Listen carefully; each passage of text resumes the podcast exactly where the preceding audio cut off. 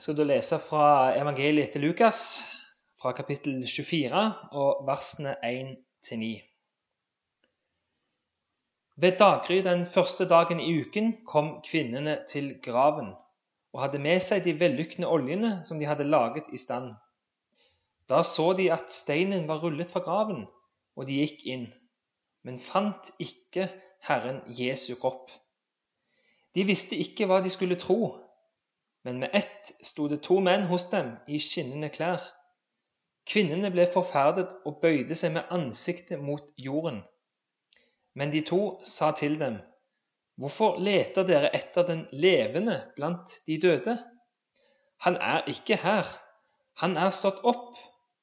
Husk hva han sa til dere mens han ennå var i Galilea. Menneskesønnen skal overgis i syndige menneskers hender og korsfestes, og den tredje dagen skal han stå opp.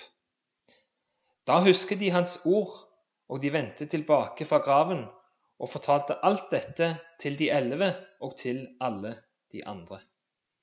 En setning jeg har hørt mange ganger, er at det blir en annerledes påske i år.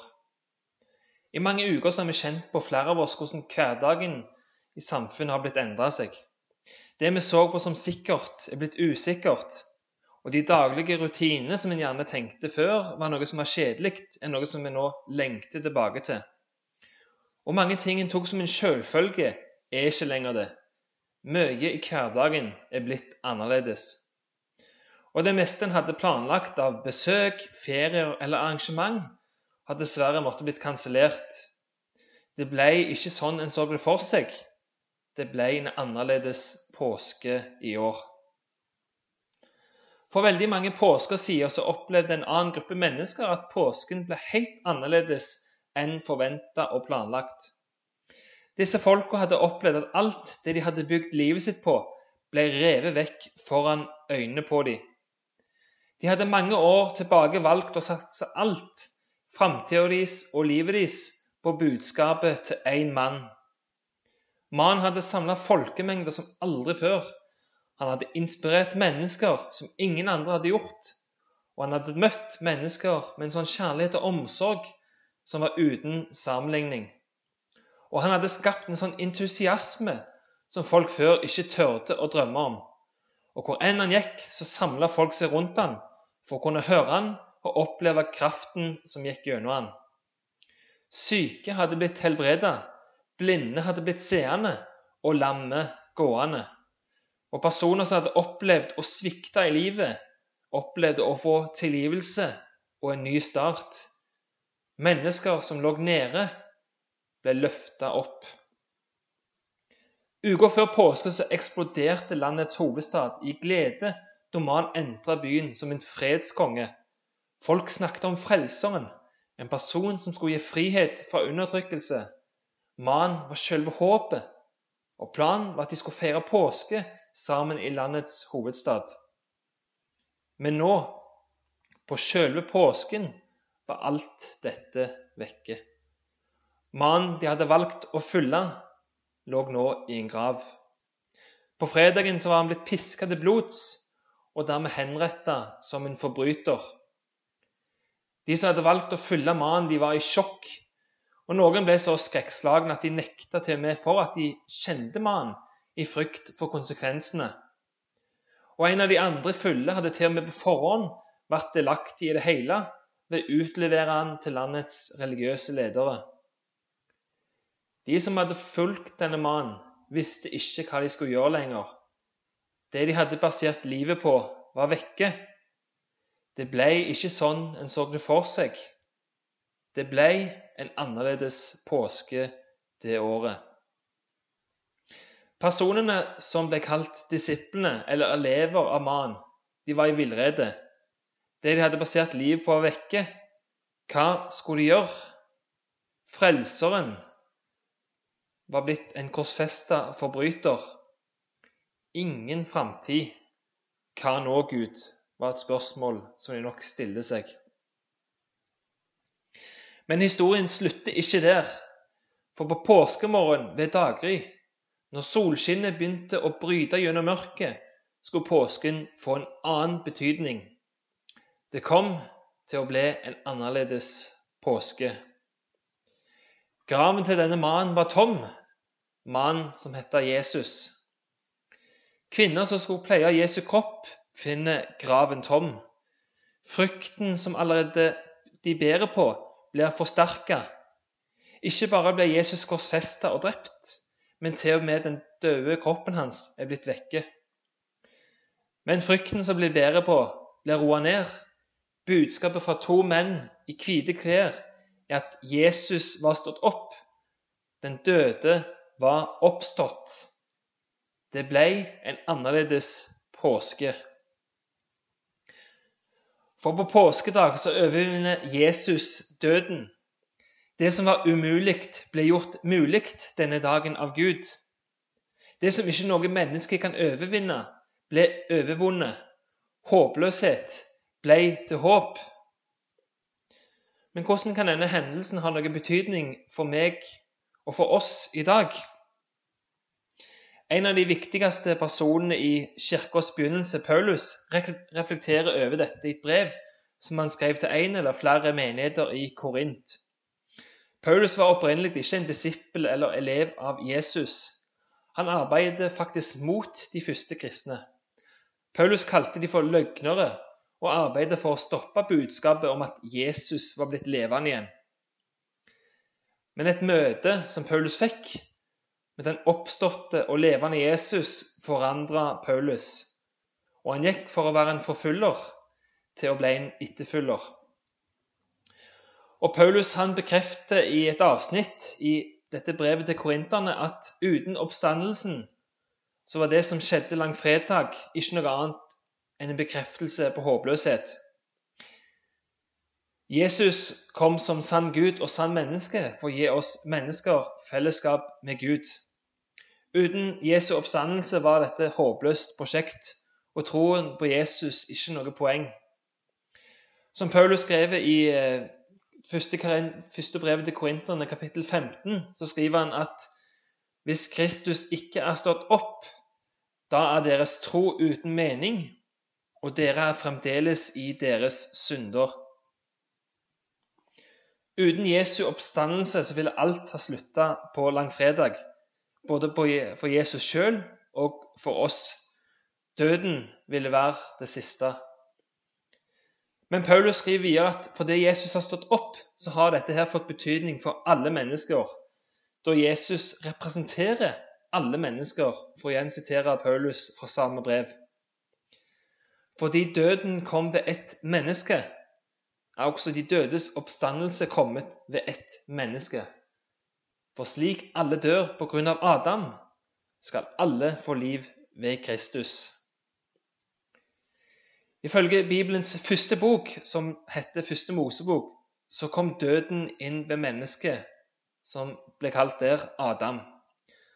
Adams fortelling er samtidig òg vår fortelling.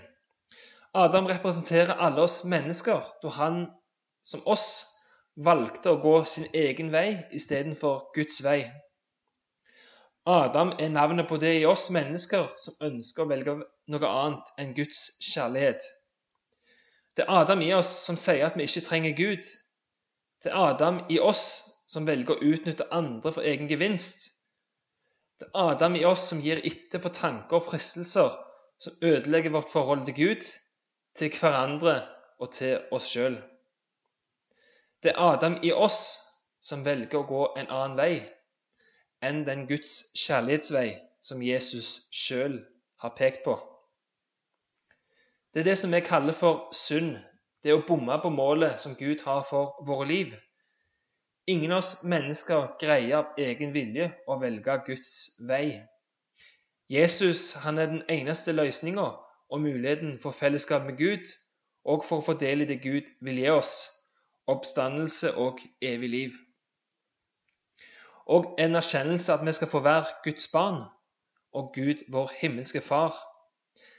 En vei som ikke alltid er lettere å gå, men som Paulus beskriver en bedre vei for våre liv. Fordi Jesus har stått opp, så blir ikke vi værende i våre synder, i vår Adam. Påsken gir oss en mulighet til å starte på nytt, få tilgivelse og starte på nytt igjen og igjen.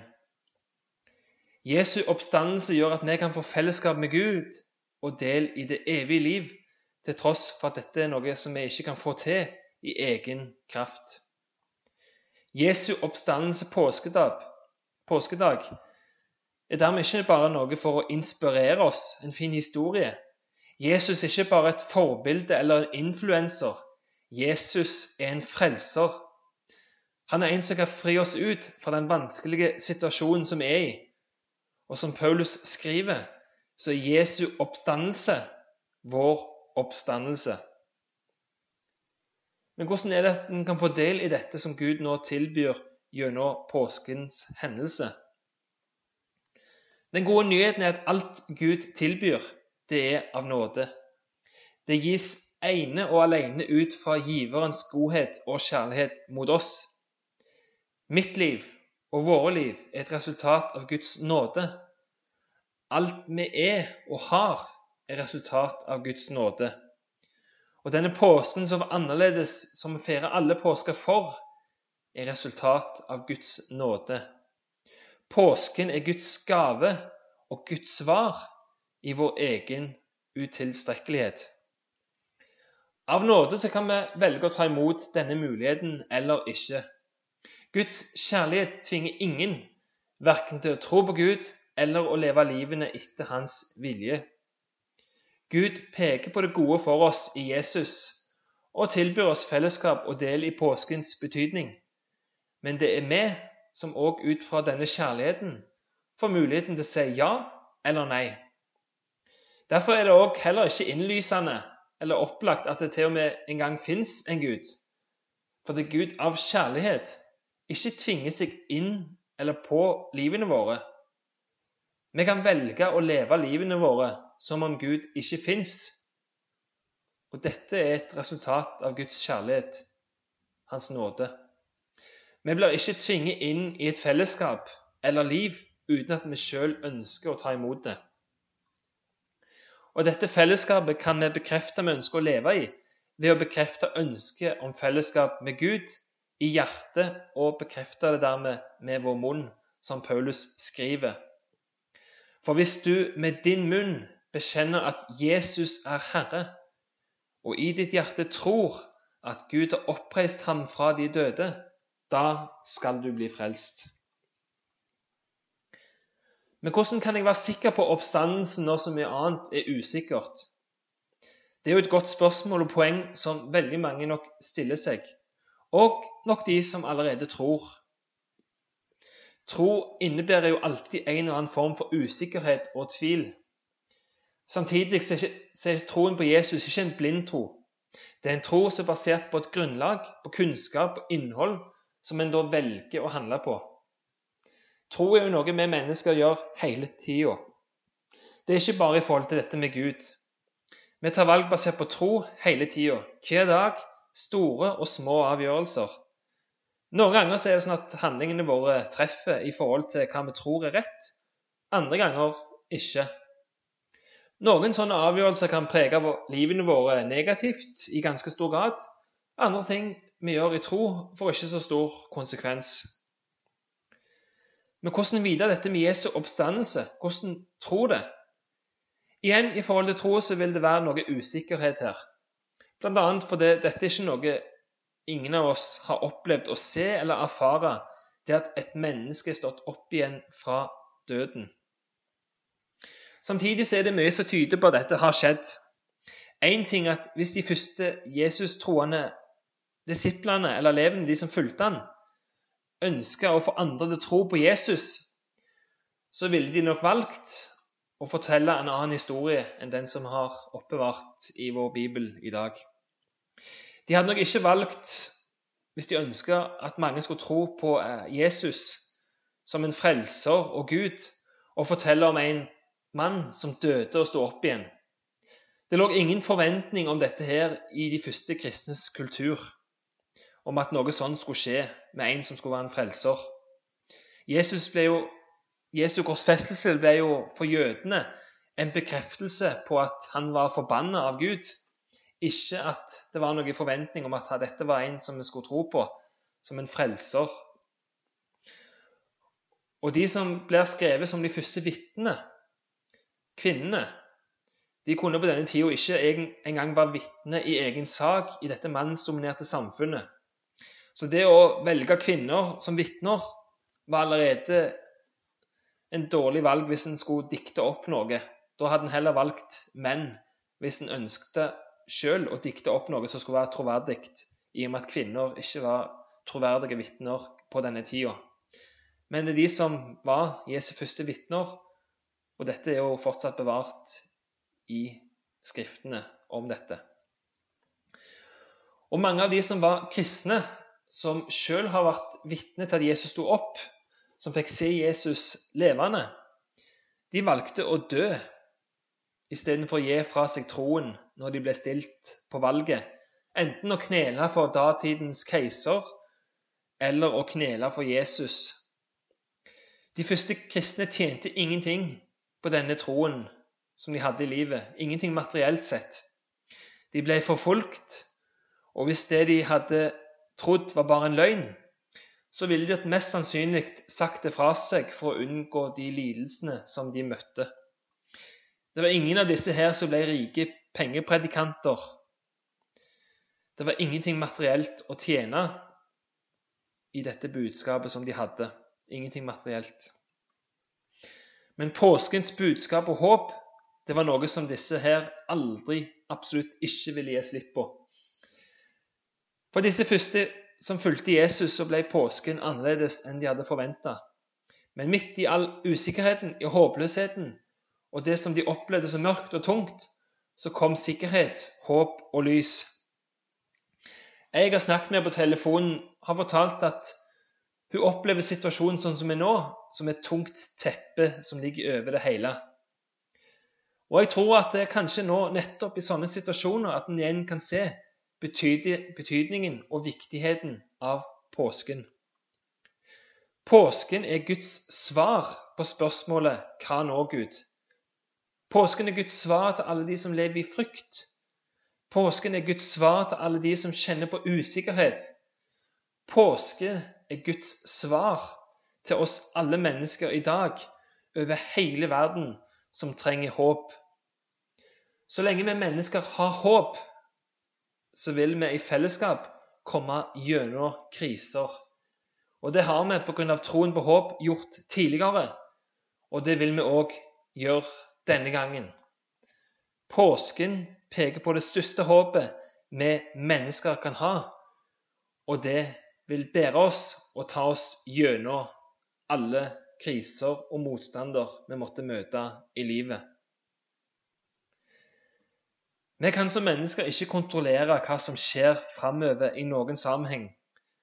Vi kan ta forhåndsregler, men vi vet aldri hva som skjer i morgen. Men midt i alt det som vi møter som vi ikke har kontroll over, så har Gud kontroll. Akkurat sånn han hadde kontroll den påsken da graven var tom. Alt så tilsynelatende håpløst ut, men Gud har kontroll. Det har Gud òg i dag, for Gud er den samme i går, i dag og til evig tid. Det ble i år en annerledes påske. Kanskje kan dette bli den påsken hvor du fikk fornya håp på framtida til tross for all usikkerheten rundt. Fordi Jesus er ikke lenger i graven. Han lever og er midt iblant oss. Og hans oppstandelse kan bli din oppstandelse, om du bare vil ta imot. Så For å avslutte denne talen så kan vi sammen si den apostoliske trosbekjennelsen. Bekjennelsen som peker på hva vi tror, og håpet som vi skal få del i. Så for deg som allerede tror, så kan det være en bekreftelse på troen og håpet du allerede har del i. Og for deg som ikke tror, så kan det være en mulighet til å ta imot oppstandelsens håp. Det kan bli en annerledes påske. La oss sammen si den bekjennelsen som vi døpes, døpes til, og som peker på påskens budskap. Jeg tror på Gud Fader, den allmektige, himmelens og jordens skaper. Jeg tror på Jesus Kristus, Guds innbårne Sønn, vår Herre, som ble unnfanget ved Den hellige ånd, født av jomfru Maria, pint under Pontius Pilatus, korsfestet, død og begravet, for ned til dødsriket, sto opp fra de døde tredje dag, for opp til himmelen, sitter ved Guds den allmektige Faders høyre hånd, skal derfra komme igjen for å dømme levende og døde. Jeg tror på Den hellige ånd, en hellig allmenn kirke, de hellige samfunn, syndenes forlatelse, legemets oppstandelse og det evige liv. Amen.